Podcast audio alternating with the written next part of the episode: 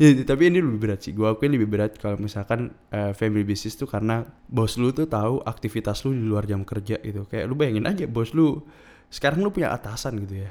Atasan lu tahu cuy lu pulang jam berapa on the weekend. Magernya gitu gak sih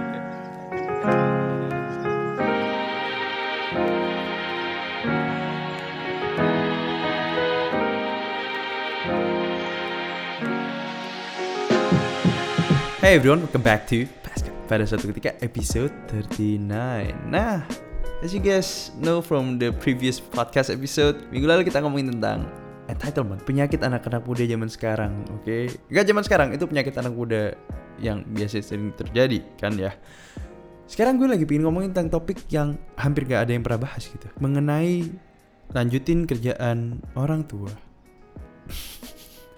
Wah, aku bakal mendengar curhatan seseorang yang sudah punya usaha. ini apakah ini keresahan-keresahan orang-orang yang mampu? Aduh, un unconventional banget coba.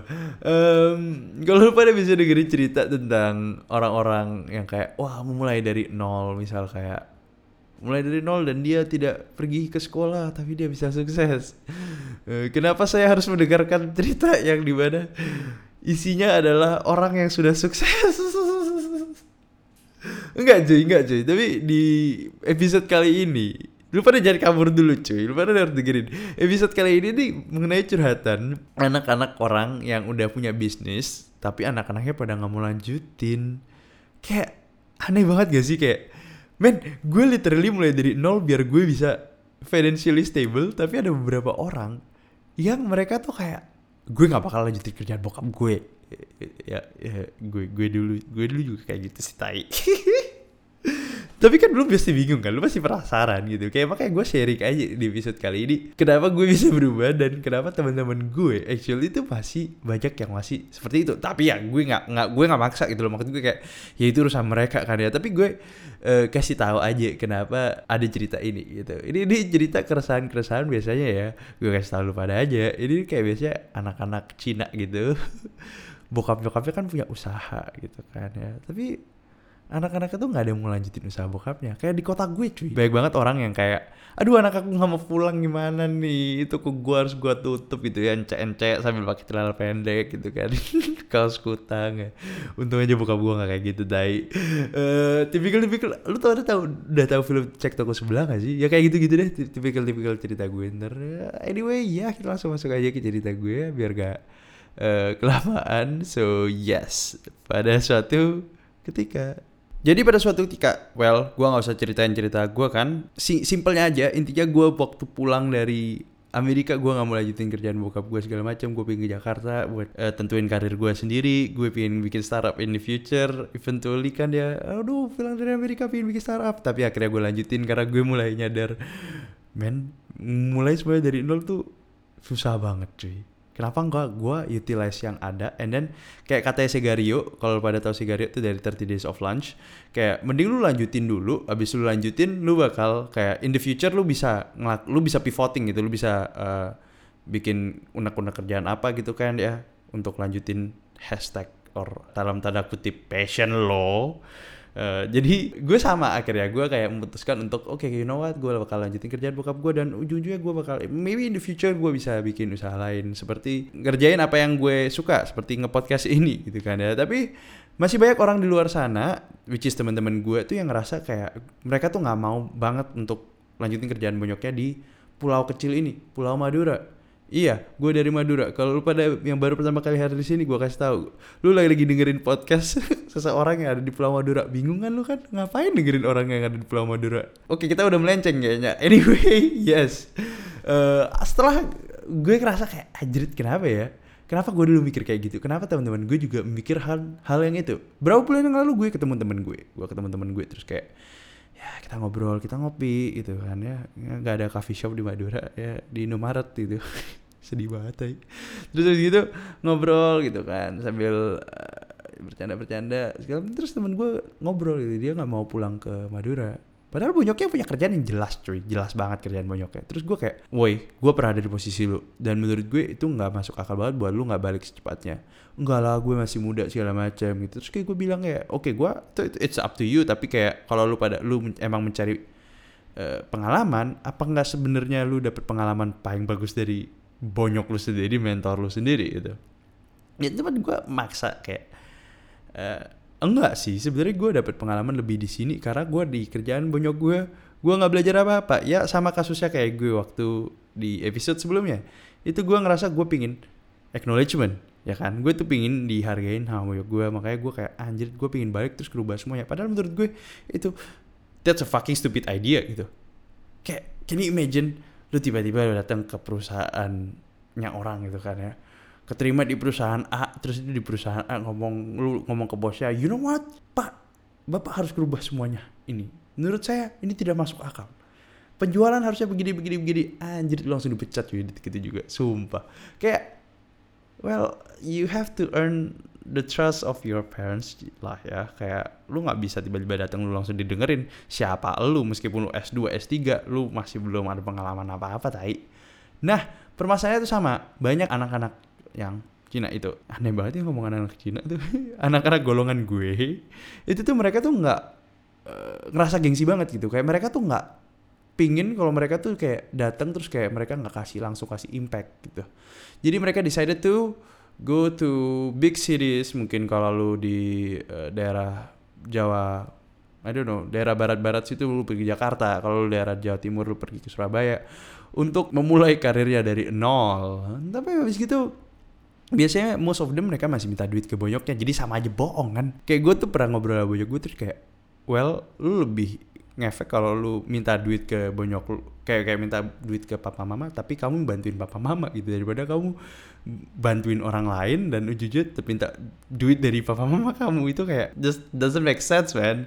Terus akhirnya gue kayak oke okay, masuk akal juga. Gue bilang ke dia gitu. Terus akhirnya dia kayak e, e, tapi gimana ya? Masa kuliah susah-susah gak mau lanjut kayak jujur lanjutin toko tai?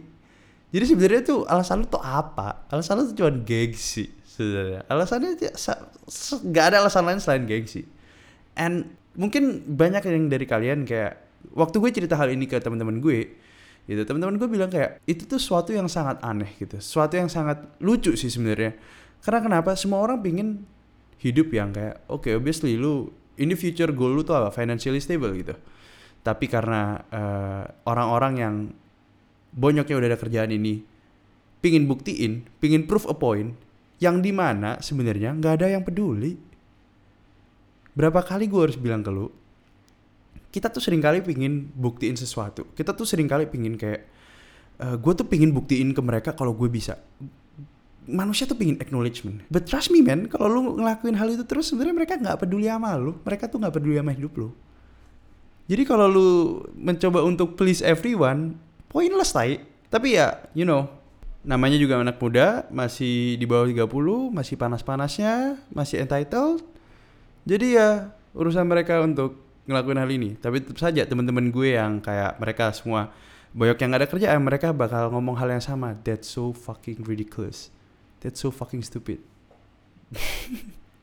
Lucu ya, yang yang bunyoknya nggak ada kerjaan kayak kerjaan punya dagangan gitu atau usaha biasanya mereka yang udah stable gitu biasanya mereka pingin kayaknya dulu lanjutin kerja bunyok yang udah ada kerjaan itu tuh enak banget ya kayak nggak usah mulai semuanya dari nol.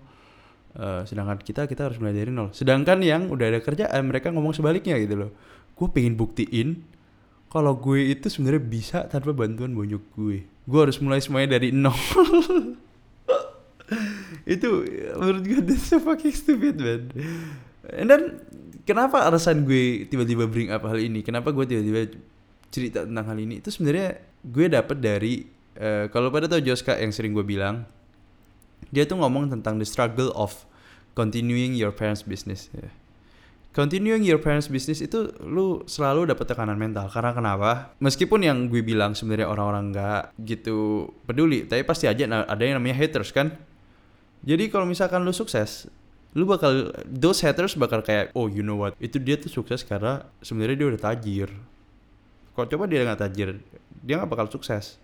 Or kalau lu gagal, dia bakal bilang kayak tuh kan padahal dia tajir loh. Masa gitu aja nggak bisa? Tuh kerjaannya bangkrut. Nah. Jadi Juska juga bilang kayak lanjutin kerja orang tua itu sebenarnya lu dapat positifnya dan lu dapat negatifnya. Positifnya adalah lu dapat early start kayak lu dapat semacam sum of money yang lu nggak usah lu udah dapat marketnya lu udah dapat mentor terbaik which is your uh, your own parents or grandparents gitu kan. Uh, tapi lu dapat handicapnya adalah lu nggak bakal bisa penuhin ekspektasi orang. But then again lu gak bakal bisa penuhin semua orang. What's what's the point of trying to please everyone soalnya lu gak bakal bisa men. Sebenarnya tuh masih ada tipe anak lain lagi loh selain tipe-tipe yang barusan gue omongin. Tadi kan kita ngomongin orang-orang yang sebenarnya dari uh, dulu emang kayak disuruh sama orang tuanya untuk balik bantuin orang tuanya tapi nggak mau gitu. Karena faktor gengsi karena faktor pingin bebas pingin prove a point and shit I don't know. Pengen coba please everyone tapi nggak mungkin bisa. Ada tipe yang lain cuy tipe-tipe orang yang dari kecil udah lu pasti bantuin bonyok lu. Mau lu gimana pun lu mau sekolah kayak gimana pun lu pasti lanjutin kerja orang tua. Itu ada cuy. Ada golongan-golongan gue yang kayak gitu tuh ada. Ya. tipe-tipenya kayak gimana? Nah tipe-tipe yang kayak gini tuh biasanya yang yang yang gimana ya? Yang kayak mungkin stereotipnya itu yang lu pada lihat tuh akademiknya males gitu. Terus kayak ambisinya kurang kerjaannya main Mobile Legend atau PUBG tiap hari. Meskipun udah lulus kuliah tapi tetap aja main game melulu minta duit ke bonyoknya nggak mikirin usahanya. Nganggep usahanya tuh cuman kayak semacam burden aja gitu kayak ya kalau disuruh gue pergilah. Ya kayak typical uh, rich white boys gitu.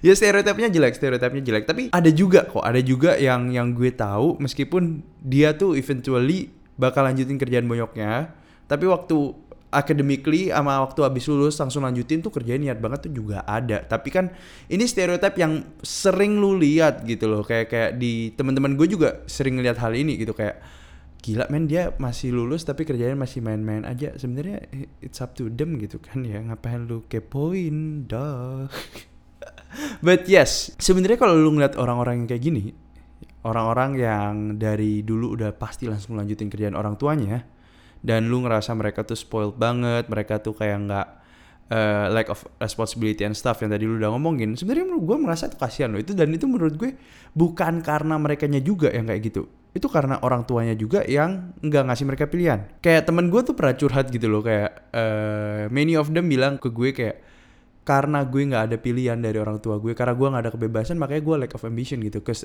no matter what I do ujungnya gue udah pasti tahu apa yang bakal kejadian ke gue gitu. Dan karena dari kecil orang tuanya udah kasih tahu lu bakal lanjutin gue lu bakal lanjutin gue oke okay, doesn't matter lu ngapain aja lu intinya lu bakal balik lanjutin kerjaan gue. Lu bisa bayangin gak sih kalau lu lu di socialist country anjir, ngapain baju ngomong ekonomi tai jadi ya tapi ya kalau lu bayangin aja lu di kerjaan terus lu mau kerja setinggi apa pun lu bakal lanjutin eventually lu bakal lanjutin Uh, kayak kayak lu bakal eventually lu bakal naik ke posisi ini gitu. Mau kerja lu jelek, mau kerja lu bagus, eventually lu bakal dapetin ini gitu. Ya lu bakal malas-malasan lah ya. Karena lu udah tahu outcome ya. Gak ada tantangan, lu gak ada kayak semacam daya dorong gitu. Semacam apa sih kayak dorongan hidup buat lu ngelangkah lebih. Jadi gue nggak bisa nyalain mereka juga gitu kan. Gue kayak ya gimana ya dari kecil mereka nggak ada pilihan juga. Mereka mau misal ternyata mereka ternyata mau jadi arsitek kayak pemain musik nggak bisa. Pokoknya kamu bakal lanjutin kerjaan mama papi. Wah ya kelar lah hidup. Gimana mau ada ambisi dari tapi tapi biasanya orang-orang kayak gini itu tuh mereka tuh bonyoknya ada strategi khusus cuy. Ada strategi khusus serius. Jadi kalau kalau di orang-orang Cina gitu ya golongan gue nggak enak ya ngomong Cina tadi Uh, itu tuh tergantung dari level-levelnya. Kalau misalkan bonyoknya tajir banget dan misal bonyoknya risk taker, typical risk taker gitu, biasanya anaknya itu dikasih kerjaan, langsung dikasih tanggung jawab gede. Kalau bonyoknya tajir dan risk taker, gak nggak kayak kayak misal gini, uh, lu ngelihat berapa banyak FNB di Jakarta, Surabaya, uh, Medan, Makassar, lu lihat itu tuh uh, isinya anak-anak kuliahan yang baru lulus mereka bikin usaha. Kongsian kongsian apa sih bahasa Indonesia? Kayak barengan sama teman-temannya terus habis gitu kongsian berlima gitu kan bikin usaha bikin kopi sekarang. Kopi gila main kopi di mana-mana cuy. Franchise kopi gitu kan. Sama bonyoknya biasanya setuju karena bonyoknya ngerasa kayak oke okay, daripada ngancurin usaha gue mending ngancurin ini franchise tai. Uh, biasanya tuh dikasih tuh duit. Spread mereka bikin usaha 2-3 tahun pamah uh, usahanya udah udah gitu-gitu aja. Atau udah untung tapi udah stagnan udah bosen segala macem. Uh, ya udah baliklah baliklah ke company gitu. Itu cara pertama mereka.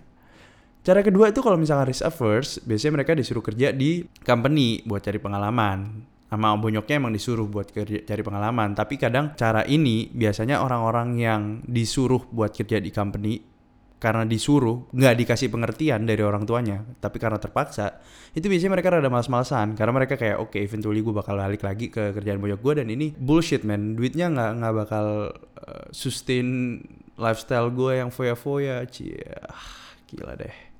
Ya makanya kayak biasanya bokapnya harus kasih pengertian gitu loh kayak kamu harus kerja gini biar kamu mendapatkan bla bla bla bla bla kerja harus serius bla bla bla bla bla. Itu cara mereka. Atau cara ketiga cuy cara ketiga ini sebenarnya paling umum dan paling sering dipakai. Tapi lu pada gak ada yang tahu ya kan? Yaitu dengan disuruh menikah. Makanya kalau lu lihat tuh ya anehnya anehnya. Ini gue kasih tahu gue kasih tahu aja nih. Anehnya kalau misalkan ya an anak itu lebih educated gitu kan. Biasanya mereka tuh lebih lama nikah. Tapi biasanya kalau misalkan anak itu udah dari kayak orang tuanya udah ada kerjaan, biasanya kerjanya ya ya ya udah dulu disuruh nikah aja. Habis lu nikah biasanya kalau peta Cina itu ada dua hal cuy. Uh, dua tipe cowok gitu kan. Tipe yang pertama itu adalah tipe cowok yang karir dulu baru nikah. Niat kerja dulu baru nikah gitu. Gue gue lupa peta Cina-nya apa. Tapi ada tipe orang yang kedua. Tipe orang kedua adalah nikah dulu baru fokus kerja gitu loh. Karena kenapa? Karena biasanya orang-orang yang udah dapat kerjaan dari orang tuanya, mereka tuh kan kayak ya yang tadi gue bilang lack of ambition gitu.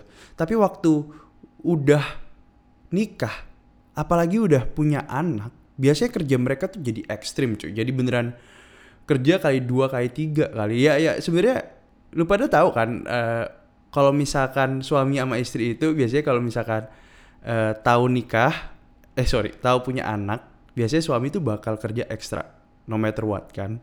Kayak kayak ngerasa biasanya katanya ya gue belum nikah ya anjing. Tapi karena dari sharing-sharingan orang itu biasanya kalau udah nikah dan tiba-tiba istrinya ngomong, oh iya ini ada anak apa aku hamil, wah oh, biasanya cowoknya tuh kerja gila men. Nah biasanya orang tua orang tua itu yang tahu anaknya lack of ambition, udahlah kamu nikah aja, toh papa mama ada kerjaan dengan anaknya nikah, biasanya anaknya cuy langsung punya anak langsung beda loh. Serius, serius, serius. Ini salah satu cara untuk ngebuat anak jadi lebih berambisi, cuy. So ya, yeah, itu pengalaman-pengalaman pengetahuan-pengetahuan yang mau gue sharing ke lu pada gue nggak tahu sebenarnya ini bakal ngefek apa ke hidup lu pada sih. Tapi ya ya mungkin lu pada bisa belajar mungkin lu eventually lu pada punya usaha dan lu pada punya kalau punya usaha lu pada lancar amin. Gue doain semua pendengar gue sekarang yang lagi dengerin nih bakal punya usaha dan usahanya bakal lancar. Ayo semua doa dulu amin ya. Tuhan Hup.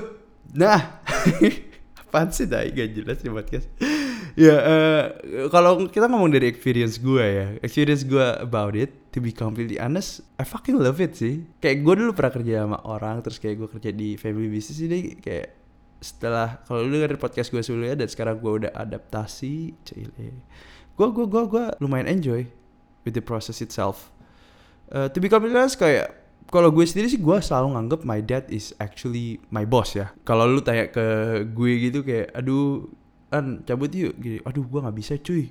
Gue gua nggak enak sama atasan gue anjing atasan lu tuh bokap lu sendiri dai lu nggak enak gimana nya nah gue kasih tahu gue kasih tahu. Itu tuh mental yang salah gitu. Kayak kalau lu sekarang kerja sama bonyok lu dan bonyok lu nggak bisa kayak percaya sama lu gitu ya berarti lu nya yang yang yang salah dong maksud gue ngerti gak sih? Kayak if if your parents cannot give you uh, responsibilities gitu that you have been expected, maybe it's your fault gak sih? Maybe you are the one who hasn't lived up to their expectation aja gitu. Kenapa sih kerjaanku gue itu itu aja? Ya karena mereka belum percaya malu. Aduh ekspektasi mereka tuh terlalu tinggi. Too bad. Uh, they are your boss gitu. ya, tapi ini lebih berat sih gue akuin lebih berat kalau misalkan uh, family business tuh karena bos lu tuh tahu aktivitas lu di luar jam kerja gitu kayak lu bayangin aja bos lu sekarang lu punya atasan gitu ya? Atasan lu tahu cuy lu pulang jam berapa on the weekend?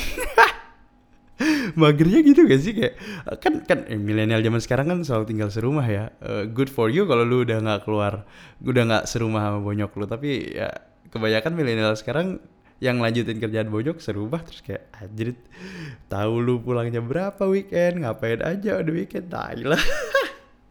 Auto hidup susah dah itu anjing tapi ya mm, gak enaknya mungkin cuma itu doang sih. Mungkin karena kayak yang lain mungkin kayak urusan-urusan rumah masa lalu di rumah biasanya kebawa juga waktu uh, lu kerjaan. Itu magernya. Jadi misal lu berantem sama siblings lu or your parents gitu kayak enak-enakan terus lu pasti di kerjaan tuh bakal ngefek gitu loh. Kayak uh, lu harusnya bersikap profesional deh. Mending lu coba deh mending lu coba. Kayak soalnya kayak waktu uh, gue mencoba seprofesional mungkin pasti ada rasa unek-unek enak juga gitu eventually. Mungkin gak enaknya kayak gitu sih. Oh ya yeah, anyway one more thing. Pro tip ya pro tip for you all. Uh, kalau bisa lu pada minta gaji oke. Okay, minta gaji dan bonus. Jadi kayak nggak cuman lu minta jajan. Yang ngepanya kayak lu nggak ngemis ke minta uang jajan ke bonyok lu terus gitu kan. Uh, jadi lu ada uang gaji terus lo ada bonus tiap ya gua nggak tahu bonus tiap usaha kan beda-beda kan. Terus habis gitu lu mulai invest duitnya lu mulai coba nabung gitu loh. Meskipun kayak itu kayak lu bilang kayak aduh nabung ini sebenarnya nggak ngefek bla bla bla bla bla. Tapi coba aja soalnya itu proses pendewasaan and it helps gitu loh. Menurut gue dari kecil lu harus udah bisa kayak manage your own money tahu tentang saham tahu tentang investasi, tahu tentang anything man. Bagus kok sebenarnya buat masa depan. So yeah, that's it guys for the podcast today. Hey yo, thank you semua udah dengerin PSK Podcast sampai akhir di penghujung acara ini gue cuma mau ngucapin uh, gue nggak tahu gue sebenarnya uh, penasaran sih lu pada dapat belajar gak sih kayak ada pandangan kayak ada hidup orang lain yang sebenarnya kayak gini kayak uh, udah enak minta susah yang susah minta enak gitu aneh ya. Terus ya gue cerita tentang orang-orang yang spoiled gitu mungkin gue bisa bilang. But yeah hopefully you guys learn something you guys uh, get new perspective that's uh, the most important thing ya the most important part. Kayak kalau pada mau belajar bisa aplika applicable atau enggak sih sebenarnya gue nggak tahu ya. Lu pada dari dulu belajar trigonometri applicable nggak But yes, anyway, I'll, kayak next week kita bakal ngundang host karena gue kehabisan topik. uh, but yes, uh, I'll see you guys next week and see ya. Hey, don't forget to follow PSK Podcast anyway. See ya.